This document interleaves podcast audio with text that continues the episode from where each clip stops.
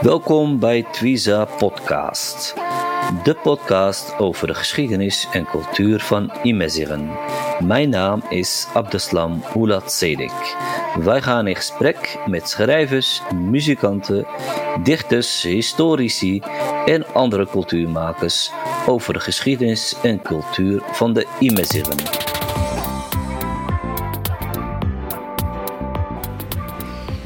Azul, dag beste luisteraars van de Twiza podcast. Hartelijk welkom allemaal. Uh, we zijn er een tijdje uit geweest. Uh, drukte, corona, et cetera. Uh, binnen ons gezin is er ook corona geweest. En vandaar dat we nu weer terug zijn met de volgende aflevering. inmiddels alweer ja, de zoveelste aflevering. Dus als ik het goed heb, de 22e. Ja, dit is de 22e aflevering. Eh, we gaan proberen om eh, enkele korte afleveringen te doen over historische personen. En we willen ook steeds meer gaan focussen op de uh, vrouwelijke historische personages. De sterke vrouwen, de moedige vrouwen die wellicht vergeten zijn. Of licht vergeten zijn in de geschiedenis, in de MSR-geschiedenis. Dus uh, ik zelf zal deze podcast doen, persoonlijk. Het gaat over Dihya, leidster van de Auris. Of Kahina, zoals de Arabieren haar noemden uh, tijdens de eerste invasies uh, vanuit het oosten, richting uh, Temesra, richting Noord-Afrika. zij noemen het Fuduhat al-Islam, dus het openen, het verspreiden van de islam. En over die persoon gaan we het hebben, over Dihya. En ik hoop in de nabije toekomst meerdere personen uit te nodigen om andere vrouwen wat meer in de spotlight te zetten. Uh, nou ja, ik heb in het verleden wat erover geschreven. Dus ik hoop dat jullie het boeiend vinden. Dat jullie meer gaan zoeken over deze bijzondere vrouw. Uh, een zich vrouw, leidster. Um, en uh, meer gaan ontdekken. Er is niet heel veel bekend. Dus ik heb toch mijn best gedaan om een stuk over te schrijven. Um, en ik hoop dat jullie het waarderen. Nou, deel deze podcast ook, uh, en, uh, zodat het nog een groter bereik zal, zal vinden. We merken dat er ook buiten Europa veel naar wordt geluisterd. Met name in, in Amerika hebben we heel veel luisteraars. daar dank daarvoor en ja, verspreid het zoveel mogelijk. nou, ik ben net zelf een beetje hersteld van corona. Dat horen jullie, zullen jullie af en toe horen, denk ik, met een hoest. hoest af en toe kan ik wat, wat gaan hoesten. Nou, ik zou zeggen, veel plezier met deze aflevering. En dan, uh, en dan uh, ja, als er opmerkingen of aanmerkingen zijn, dan kan dat altijd natuurlijk uh, via de Facebookpagina of via de mail kan dat naar ons toe komen. Laten we eerst ons de vraag stellen wie eigenlijk Dihia was. Um, ja, Dihia leefde in het oostelijke deel van Algerije. En ze was de enige dochter van Thabita ibn Tifan van de stam Jarawa, zoals dat uh, heet, uh, in die tijd. En het is het Aures-gebergte. Uh, wat we weten van de, van de, van de bronnen is dat zij als jonge kind weggehaald werd door haar vader, van haar opvoester, om zo zijn eigen dochter voor te bereiden op het leiderschap. Aangezien haar vader zelf een leider was, zou zijn enige dochter het koningschap gaan erven van haar vader. Zij zou dan de nieuwe leider gaan worden. In dit perspectief is het goed om te vertellen dat uh, de Imeziren uh, in verzet kwamen ehm, tegen de uh, Arabieren, die vanuit het, wat ik al zei, vanuit het oosten trokken, zo rond de 7e eeuw. dat ze richting Noord-Afrika kwamen, dus er, waren heel, was heel veel verzet.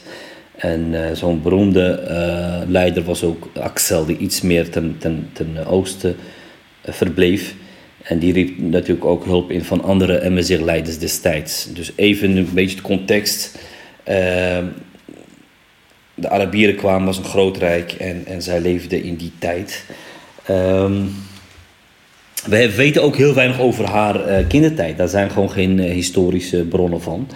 Uh, maar de overleveringen kenmerken haar als een rebels en aantrekkelijk kind. Ze namelijk liever met haar vader jagen dan het huishouden leren van haar moeder. En volgens weer een andere overlevering weigerde ze te eten, omdat haar vader telkens weigerde om haar het jagen te leren. En ze zou dan pas gaan eten als haar vader haar ging leren jagen. Op uh, op haar zestiende deed haar vader wel heel iets bijzonders. Te midden namelijk van andere stamleiders koos hij Dihya als zijn enige troonopvolger. Wat eigenlijk vrij uh, uniek was in die tijd. Een vrouw die de nieuwe leider zou gaan worden.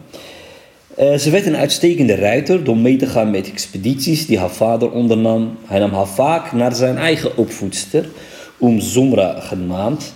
Deze Zumra kende ook heel veel verhalen over de Emezigh-stammen. Deze verhalen versterkten haar eigen Emezigh-identiteit en zo ook het verhaal van, van haar opa die Amrar heette. Amrar betekent zoiets als groot of leider. Ook bijvoorbeeld Tamrath is, betekent vrouw. Dus eigenlijk is de betekenis van vrouw binnen de Imezigh iets groots, iets unieks, iets, iets van een leider. Um, maar wat betekent die in het, in het dan? In het Temzig zou het betekenen visionair leiderschap. Ze stond bekend om haar charisma en de Arabieren dachten dat ze bijvoorbeeld de toekomst kon voorspellen. Want veel gebeurtenissen die ze voorspelden gebeurden namelijk, oud. Uh, gebeurden namelijk ook. Neem nou Causilius ofwel Axel, dat was haar geliefde. De Arabische naam van de Axel is de verbasterde Kusela ibn Milzem. In het Temmezicht zeggen we Axila, de zoon van Sila. En hij heerste over een groot gebied in Afrikië. Hij zou de christelijke koning zijn van de Auraba-stam van het koninkrijk Altava. En zijn Emezigh-naam betekent luipaard. Wat ik al zei is dat uh, de Arabieren rond de 7e eeuw uh, binnenkwamen. En zij was dus, die hier was dus een Emezigh-leidster uh, die tegen de islamitische Umayyaden machthebbers in Noord-Afrika opnam. In die tijd had je het het Arabisch Omayyadenrijk, wat, wat zich in het huidige Syrië bevond. Uh, van daaruit trokken de Arabieren om de islam te verspreiden en andere gebieden in te trekken. Deze veroveringen begonnen rond 644 al. Uh, nou ja, die werd geboren in die 7e eeuw en stierf waarschijnlijk op hoge leeftijd, zo aan het eind van de 7e eeuw. Er was, zoals we weten, in die tijd veel migratie in Noord-Afrika, wat toen bekend stond als Numidia. Uh, de grote stammen waren Sarhajja, Zenette en Masmuda. Uh, binnen het Arabische kalifaat waren er ook problemen over de opvolgingen. En de Emezigh-bevolking, zoals gezegd in, in Afrika, kwam in verzet. En maakte het verovering van dit gebied heel erg moeilijk voor de, voor de Arabieren. En dus kwam daar Dehia of Dihia, terwijl ik al zei, de moderne geschiedenis spreekt over de Arabische naam Kahina. En dat zou zoiets betekenen als tovenares of iets van een profeet. Wat ik al zei, Dihia was koningin over de Aures in het huidige Oost-Algerije. Wat we weten is dat uh, ja, Noord-Afrika in het verleden natuurlijk ook bezet is door de Romeinen. En dat, het, uh, dat je daar ook heel veel christelijke invloeden uh, hebt gehad. Dus ja, zij komt uit een gebied waar dat christelijk geloof toch ook wel geworteld was en aanwezig was. En zij stond ook bekend als de koningin van de nomaden in Meziren. Eh, de economische banden tussen al deze stammen zorgden uiteraard voor verbroeding en eenheid tegen de dreiging van de Arabieren. En natuurlijk was Noord-Afrika ook bekend om haar natuurlijke bronnen. Het wordt ook niet voor niets de graanschuur van Rome genoemd. De Arabieren Uqba ibn Nafi' veranderden bijvoorbeeld de stad Karawin in een fort door middel van een leger van 10.000 ruiters. Karawin is de stad uh, die zich bevindt in het huidige Tunesië. Uh, Carthago en Karawin waren gewikkeld in een gespannen vrede en er kon op elk moment een oorlog uitbreken. De vader van Dihia en andere stamleiders moesten zich wel verenigen onder leiding van Axel. In datzelfde gebied, dus in, het huidige Tunesië, was Axel bezig met het verzet. Dus om te vechten tegen de Arabieren. Um, en ja, hij riep dus ook de hulp in van de vader van Dihia. De mogelijke naam van haar vader zou Mattia zijn. Dat zou dus een christelijke naam kunnen, kunnen zijn. Die, uh, uh, die, Mattia is de verbasterde Arabische naam. Dat zou waarschijnlijk de christelijke naam Matthäus zijn. nou, in, in die periode, zo na die 644, rond 649, ja, begon die kolonisatie door het Arabische leger. Uh, te wetende in die tijd was het Khalif Omar, uh, die weigerde dit gebied aan te vallen. En ook, hij, en, ook was hij bevreesd over wat hij tegen zou komen in het land der Imeziren. Hij bleef bij de grens van Egypte. Zijn generaal Amr ibn al-As had toen alleen Egypte ingelijfd. En dit waren, de, zoals eerder gezegd, de Soenitische Umayyaden. Axel vroeg toen de vader van Dihya om hem te helpen tegen de Arabieren, want die naderden Carthago in Tunesië. Dihya wilde natuurlijk mee, maar haar vader weigerde. De Umayyaden kwamen niet vanwege alleen religieuze redenen, maar vooral ook om belastingen te innen van Imeziren die nog geen moslim waren. De gouverneurs van de Umayyaden gedroegen zich dus niet goed. Ze namen niet alleen sla slavinnen mee, maar ook het vee, zilver, goud en slaven. De velen gedroegen zich barbaars en daardoor kwamen de Imeziren in opstand. Dit vertraagde hun expansiedrift zo met zes jaar en ze, en excuus, en ze verloren vele veldslagen. Eh, veel Arabieren onderdrukten de volkeren eh, de bekende grote historicus Ibn Khaldun noemde deze periode ook wel de afvalligheid van Imeziren.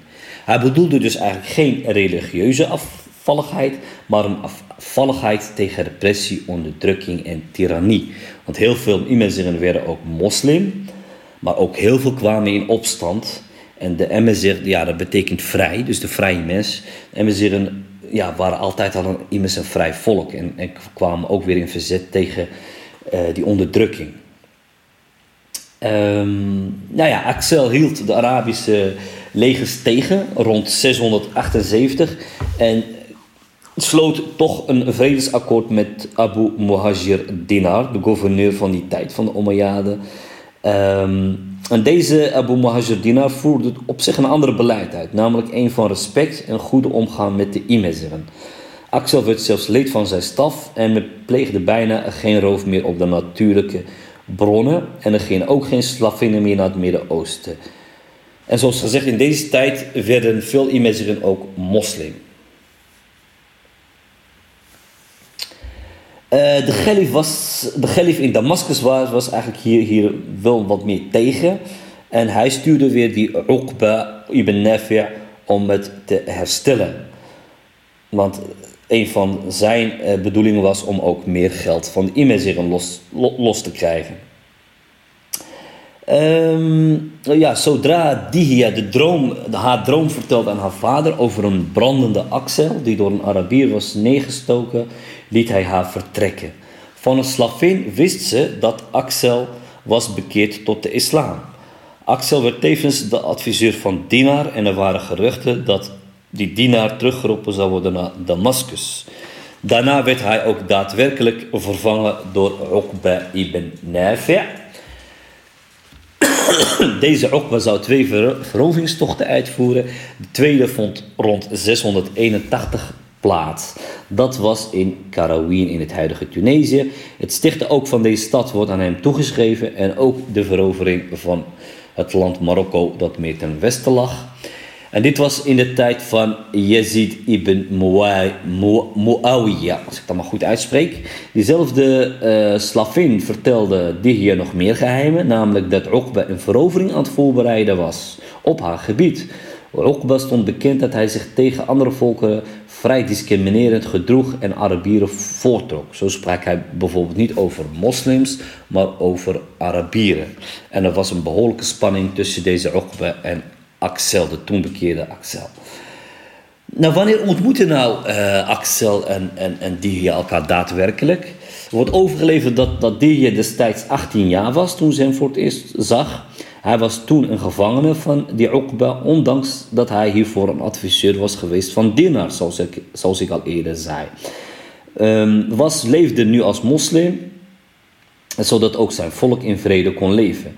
Dinar had Uqba sowieso gewaarschuwd om Axel te respecteren. Maar hij deed het tegenovergestelde. Hij beledigde Axel, hij martelde hem zelfs, net als de andere gevangenen. En Dihya besloot dus daardoor om een oorlog te voeren tegen Uqba, om de man waar ze zoveel over hoorden te bevrijden. Namelijk de man van haar dromen, Axel. Ze stond op een gegeven moment tussen de Byzantijnse strijders uh, Uqba verloor ook deze strijd en, trok zich terug naar de oceaan. Hij liet zijn gevangenen achter en zou zeker terugkomen om wraak te nemen. Zo ontstond er een verbond tussen Axel en Dihya om weerstand te bieden tegen deze Uqba. Axel wilde namelijk wraak nemen tegen Okbe die hem, die hem had gemarteld en zo slecht had behandeld. Dus werkte Axel samen met zijn Byzantijnse bondgenoten en hij vermoordde ook daadwerkelijk tijdens een, een veldslag Okbe en zijn vele mannen bij, bij de veldslag Tahuda bij Biskra in 682 of 683. Axel werd toen de leider over het gebied van Karawin en trouwde met Dihia. En hij gaf haar tevens de tulband van Uqba als cadeau. Haar vader gaf toestemming voor dit huwelijk. De Amazigh naam Takarwant werd de nieuwe naam van de stad Karawin. Dus je ziet het, ze, ze, de naam van Karawin in de huidige Tunesië werd veranderd naar de Amazigh naam Takarwant. Nou, van de Aures in Algerije tot aan de Zayen in de Midden-Atlas werd teruggevorderd. En dit geluk duurde ongeveer vijf jaar en ze kregen drie kinderen. Twee zonen, namelijk Ifran en Yazdia, en een dochter genaamd Gen Shella. Um, ja, dus vijf jaar heerste zij over dat gebied. En, en uh, daarna kwamen de Arabieren met een grotere kracht terug. Dus na, rond 688 kwam een nieuwe Arabische aanval onder leiding van Zohair ibn Qais al-Balawi, waarbij Axel ook omkwam tijdens de slag van Mama. Zij waren zwaar in de minderheid, de groep van Axel, maar zijn naam blijft wel zeker gegraveerd in de geschiedenis. Ik denk zeker ook dat het een podcast waard is om over de persoon Axel of de verbasterde Kusela te, te praten. Dus uh, we zullen ons best doen om daarover ook een podcast te doen. Uh, hoorde tevens in die chaotische periode over haar zwaar gevonden vader die in de Oudersbergen was. De toen levende Axel adviseerde haar ook om haar vader te bezoeken zodat hij toch nog zijn kleinkinderen kon zien. Toen ze aankwam bij haar gevonden vader, bereikte haar het nieuws dat Axel omgekomen was. Ze was diep verdrietig. De Arabieren waren tevens bezig om Karawin weer terug te nemen. Ze weigerden om te vertrekken in deze roerige tijden. De, Byzantijnse strijders verlieten hem en hij kon de overmacht van de Arabieren niet aan. Dat was dus Axel. Carthago won de strijd en Takirwant niet. Na deze twee doden werd zij automatisch de nieuwe leidster van Auris. Door haar charismatische karakter kon zij de stammen verenigen. Zij sloot een verbond ook tussen de verschillende stammen. Dit was geen makkelijke klus voor een persoon. Het moet wel zo zijn dat Dihya een erg wijs en sterke vrouw was in die tijd. Zij werd echt het symbool van verzet in de tijd waar de vrouw maar al te vaak werd geminacht. Ze werd vergeleken met de toen heersende mannelijke leiders. We kennen ook andere sterke vrouwen op culturele en sociale domeinen, domeinen zoals bijvoorbeeld Kenza el-Arabiya, de vrouw van Idris el-Awwal in Marokko. Uh, huidige Marokko, Fatima al-Fahriya, de stichter bijvoorbeeld van de, van de Al-Qarawin Universiteit in Fes. En Zainab Nefzawiya, de vrouw van bijvoorbeeld Yusuf, Yusuf ibn Tshfin, de oprichter van Marrakesh in het huidige Marokko ook. Uh, ja, die raakt op een gegeven moment in de vergetelheid. En door de Franse kolonisatie van Algerije hebben de Fransen haar uit die vergetelheid gehaald. Wat op zich een positief punt uh, is. Ze zeiden tegen de immers, kijk, jullie hadden ook grote leiders en koninginnen. En, en koningen en koninginnen. Men vertelde ook dat dit tevens een manier was om Emezeren, Imezeren en Arabieren tegen elkaar op te zetten. De beruchte verdeel- en heers tactiek. De bekende Algerijnse schrijver Ketib Yassin heeft een deel van zijn prachtige boek Nijma aan Dihya besteed. Ik zou zeggen, lees dat boek. Schrijver Dien plaatste haar binnen het communistische kader Dihia werd een ware verzetsleider.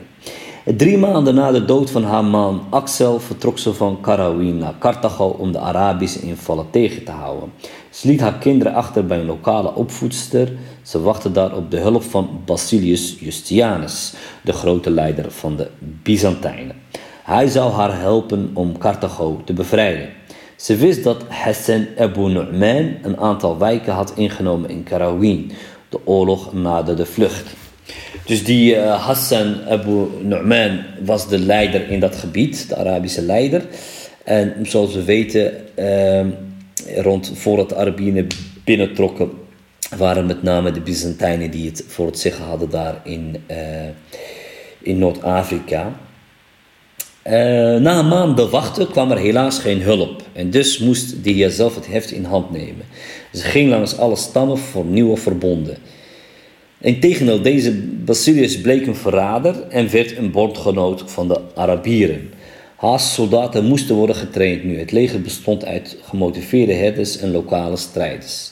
Toen Abu Nu'man het gebied van Dihya benaderde, vroeg hij aan de lokale mensen: Wie is jullie koning? Of wie zijn de leiders van dit gebied?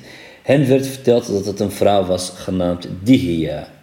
De Byzantijnen vreesden deze Dihya. Ze gebruikten haar informanten in Karawin over de tactiek van deze Hassan. En zo kwam ze erachter dat hij bezig was met enorme versterkingen vanuit Damascus. Hij verzamelde namelijk 40.000 man. De ene helft zou zich gaan verzamelen in Carthago en de andere helft zou naar Tripoli gaan. Haar leger was veel kleiner en dus vocht ze dapper tegen de vijand. En ze vocht ook strategisch, want dat had ze immers geleerd van haar vader en van Axel, haar man. Door haar charisma, moed en intelligentie kreeg ze vele stammen achter haar. Ze voerde het leger aan en moedigde de strijders om te vechten voor hun land. Ze beschikte maar over een klein leger van ongeveer 5000 soldaten. Maar deze waren zeer gemotiveerd en ook waren de omstandigheden gunstig om oorlog te voeren. Ze kenden het gebied natuurlijk heel goed en ze konden als een echte guerrilla-leger aan de slag. Ze was een ware generaal en houten symbolen waren aan het begin geplaatst van haar leger. Dit waren de zogenaamde afgoden zoals Tanit, Amur of Amon, de welbekende goden in die tijd. Amon werd meer aanbeden in de Siwa-woestijn in Egypte door de Imezir al-Dar deze afgod was het die overigens Alexander de Grote probeerde te vinden in de woestijn. Hij verspreidde destijds zijn macht over Azië en Noord-Afrika. Komen we nu even aan uh, bij het uh, geloof van, van Dihya. Ja, dat is een beetje moeilijk te zeggen. Er zijn verschillende versies. sommigen zeggen dat het christelijk was. Naar aanleiding van die opmerking die ik maakte over de eh, Byzantijnse en de Romeinse invloeden in, in dat gebied. Wat vrij sterk christelijk was. Maar die, dezelfde grote bekende historicus Ibn Khaldun schreef dat ze Joods emmezer is. Dus dat ze meer het Joodse geloof had. Uh, ze ontmoette het leger van Abu Nu'man bij Sayra. Dus het is het oostelijke uh, Libië, het huidige oostelijke Libië, in de buurt van de stad Tripoli. Uh, van Axel had ze al heel veel gehoord over historische veldslagen waarin hij moedig vocht die manier streed zij ook, op dezelfde manier streed zij ook moedig als een ware, als een ware strijder, een soort ware generaal. Ze werd gemotiveerd door de omgeving en daardoor wilde ze heel graag overwinnen. ze ging met haar mannen langs de randen van de vallei en de mannen van Hessen waren verblind door de zon en, en helemaal niet goed voorbereid. Continu op dag op dat moment en Axel was ze heel bloeddorstig om de overwinning te behalen. En Hassan was duidelijk niet goed voorbereid tijdens deze veldslag en kende het gebied minder goed dan Dihya. Hassan had wellicht ook, zich ook niet goed voorbereid. Dihya en haar leger versloegen hem dan ook daadwerkelijk bij Um el-Bouwari en hij moest zich terugtrekken. Hassan trok, trok zich terug bij Serenica. Op het slagveld lagen vele lijken van Hassans leger. Ze had 80 gevangen genomen. Na goed nadenken besloot ze alle gevangenen vrij te laten, behalve Khalid el-Ebsi. Eh, historische bronnen, bronnen excuus, tonen aan dat de gevangenen goed zijn behandeld en ook voerden ze een nette oorlog en zonder oorlogsmisdaden. Na deze overwinning werd ze feestelijk onthaald. Deze verslagen Hassan zou zich vier jaar lang koest houden, maar ze heeft zich niet meer zo eenzaam gevoeld als die dag zonder vader en zonder Axel. Ze was een uitermate tolerante vrouw. Diep van binnen miste ze hem heel erg. Nou, volgens een Arabische overlevering zou deze uh, gevangen genomen Khalid ibn Yazid uh, zou ze hem hebben geadopteerd. Uh, en ze zeggen ook dat ze verliefd op hem werd. En, de, en dat terwijl zij de koningin was van haar volk. Deze Khalid zou volgens deze Arabische overlevering haar doen denken aan haar overleden man Axel. Hij zou moedig zijn en dezelfde ogen hebben. Er was in die tijd tevens een soort borstvoedingscampagne. Uh, zo werd door uh, Arabische historici overgeleverd dat ze hem had geadopteerd. Dus hij werd geadopteerd en tevens dat ze een liefdesrelatie zou hebben gehad met hem. Volgens weer andere historici waren dit pure aantijgingen om hier onderuit te halen en roddels over haar te verspreiden.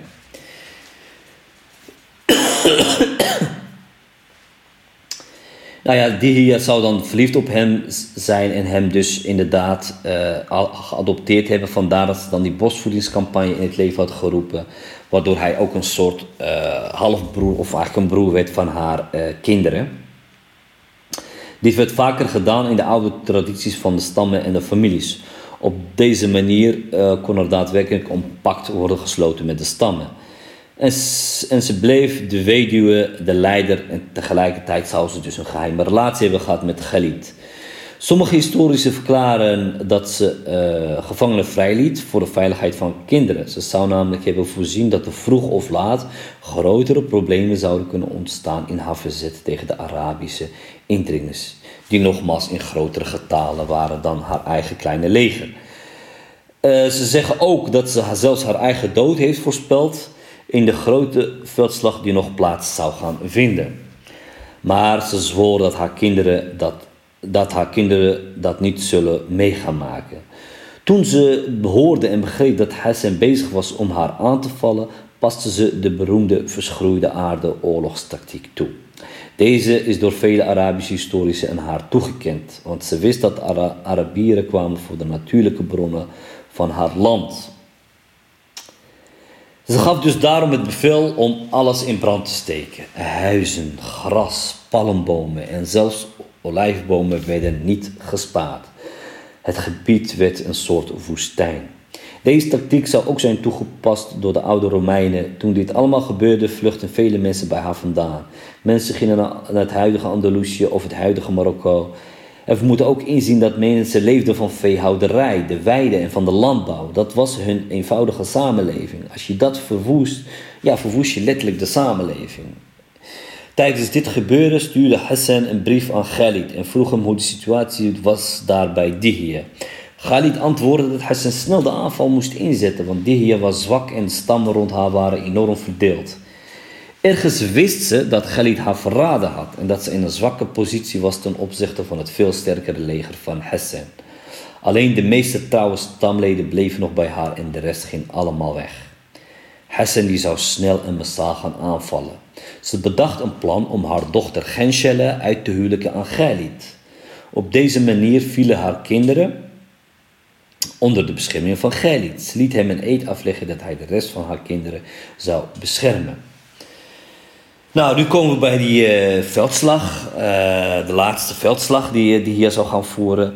Nou, Hassan was, was klaar voor die oorlog tegen Dihya, vanwege ook de info die uh, hem had, had, had doorgegeven. Hij had zich nu immers drie jaar goed voorbereid en kreeg veel hulp van de kalif uit Damascus. Dihya wist goed wat haar te wachten stond. Ze wist dat het leger van Hassan vele malen groter was dan die van haar en dat hij de islam zou gaan verspreiden over de rest van Noord-Afrika en dat hij vanaf daar richting Andalusië zou gaan om daar ook een koninkrijk op te richten. Hassan kwam s'avonds aan bij de vallei. Hij wachtte met de aanval tot de volgende ochtend. Ze kwamen elkaar tegen bij de vallei en keken elkaar diep aan in de ogen. De soldaten van Hassan sliepen op de zadels van hun paarden. Zoals gezegd wisten ze goed dat ze deze veldslag niet zou kunnen winnen. Zelfs op zulke heftige momenten dacht ze continu aan haar kinderen. Ze waarschuwde en adviseerde hun om moslim te worden zodat ze zullen voortbestaan en dat ze niet gedood zouden worden. Tijdens de heftige veldslag die ze op een gegeven moment dreigde, dreigde te gaan verliezen, adviseerde een paar van haar grote strijders om het veldslag te verlaten. Ja, die herkennende weigerde uiteraard door te zeggen dat koningen en strijders veldslagen nooit verlaten. En ze stierf uiteindelijk in deze laatste veldslag. Ze hebben toen haar hoofd eraf gesneden, is overgeleverd en gestuurd naar het Midden-Oosten. De rest van haar lichaam zou in een put zijn gegooid. Tot op de dag van vandaag noemen ze dat de put van Kahina. Haar kinderen Ifran en Yezdia gingen later vechten in Spanje, in Spanje en keerden zegeverend terug naar Ifriqiya, waar ze opnieuw vorsten werden. Genshela en Khalid zijn vergeten in de geschiedenis. Hassan zal, gouverneur blijven in Afrika tot 705, de dood van Abdel Malik, Khalif. Uh, Hassan bewonderde de Imeziren en heeft ze volgens de overleveringen goed, behandelen. goed behandeld. Sorry. Uh, recent pas in 2003 werd uh, Dihya geëerd met een standbeeld in de stad, in de stad Baria, provincie Genshelle in de buurt van Constantin, in het huidige Algerije.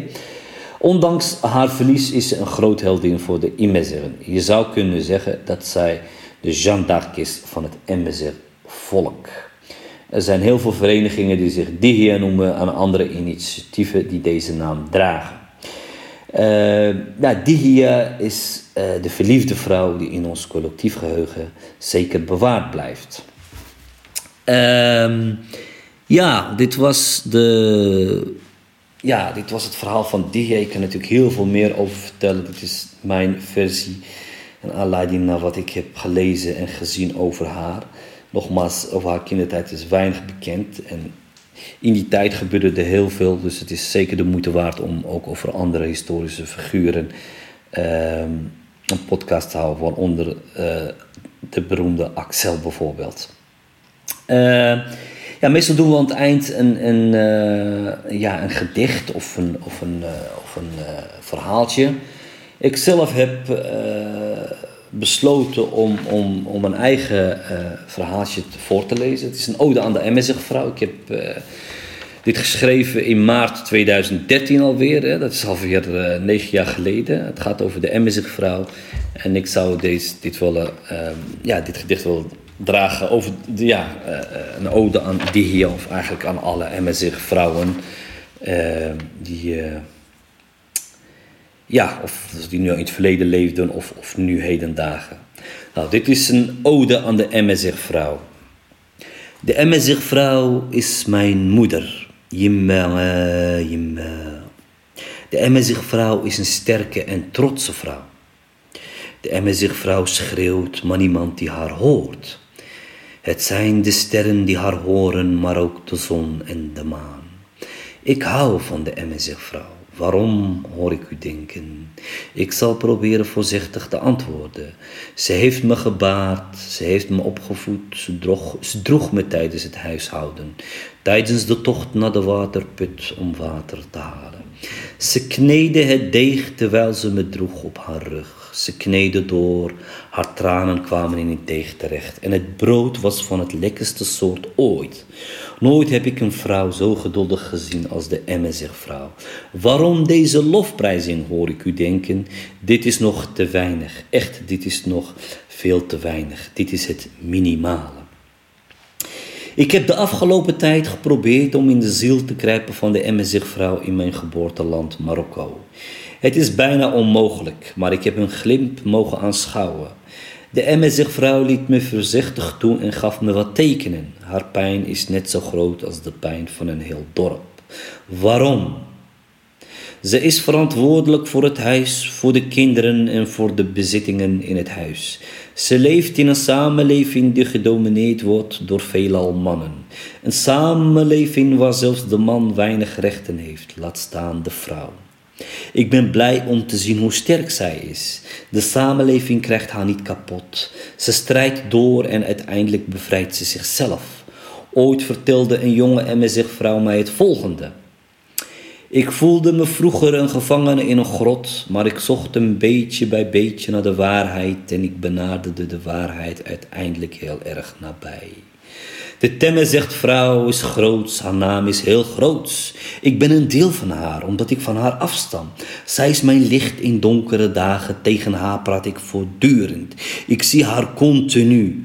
Over wie heb ik het? De emme zegt vrouw over de moeder, over de gescheiden actrice, over de schoonmaakster, over het gewone meisje, over de huisvrouw, over de prostituee, over de weduwe, over de argaanvrouwen, over de boerin, over de zakenvrouw, over de advocaten, over de arts, over de ambtenaar, over de directrice, over de sportster, over de dichteres, over mijn zus, over mijn tantes. Over al die vrouwen die het redden of niet redden in die moeilijke samenleving. Een samenleving waar je moet overleven. Overleven is gewoon. Zwak zijn wordt niet getolereerd. Als men beter wist, dan was men allen liever zwak.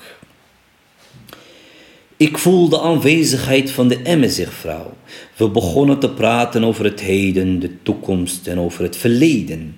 Ik vertel haar over mijn zorgen. Alhamdulillah, ze begrijpt me altijd. Lof aan God.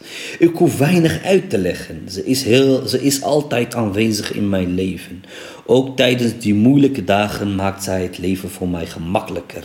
De Emmezigvrouw is gesterkt door de Isren.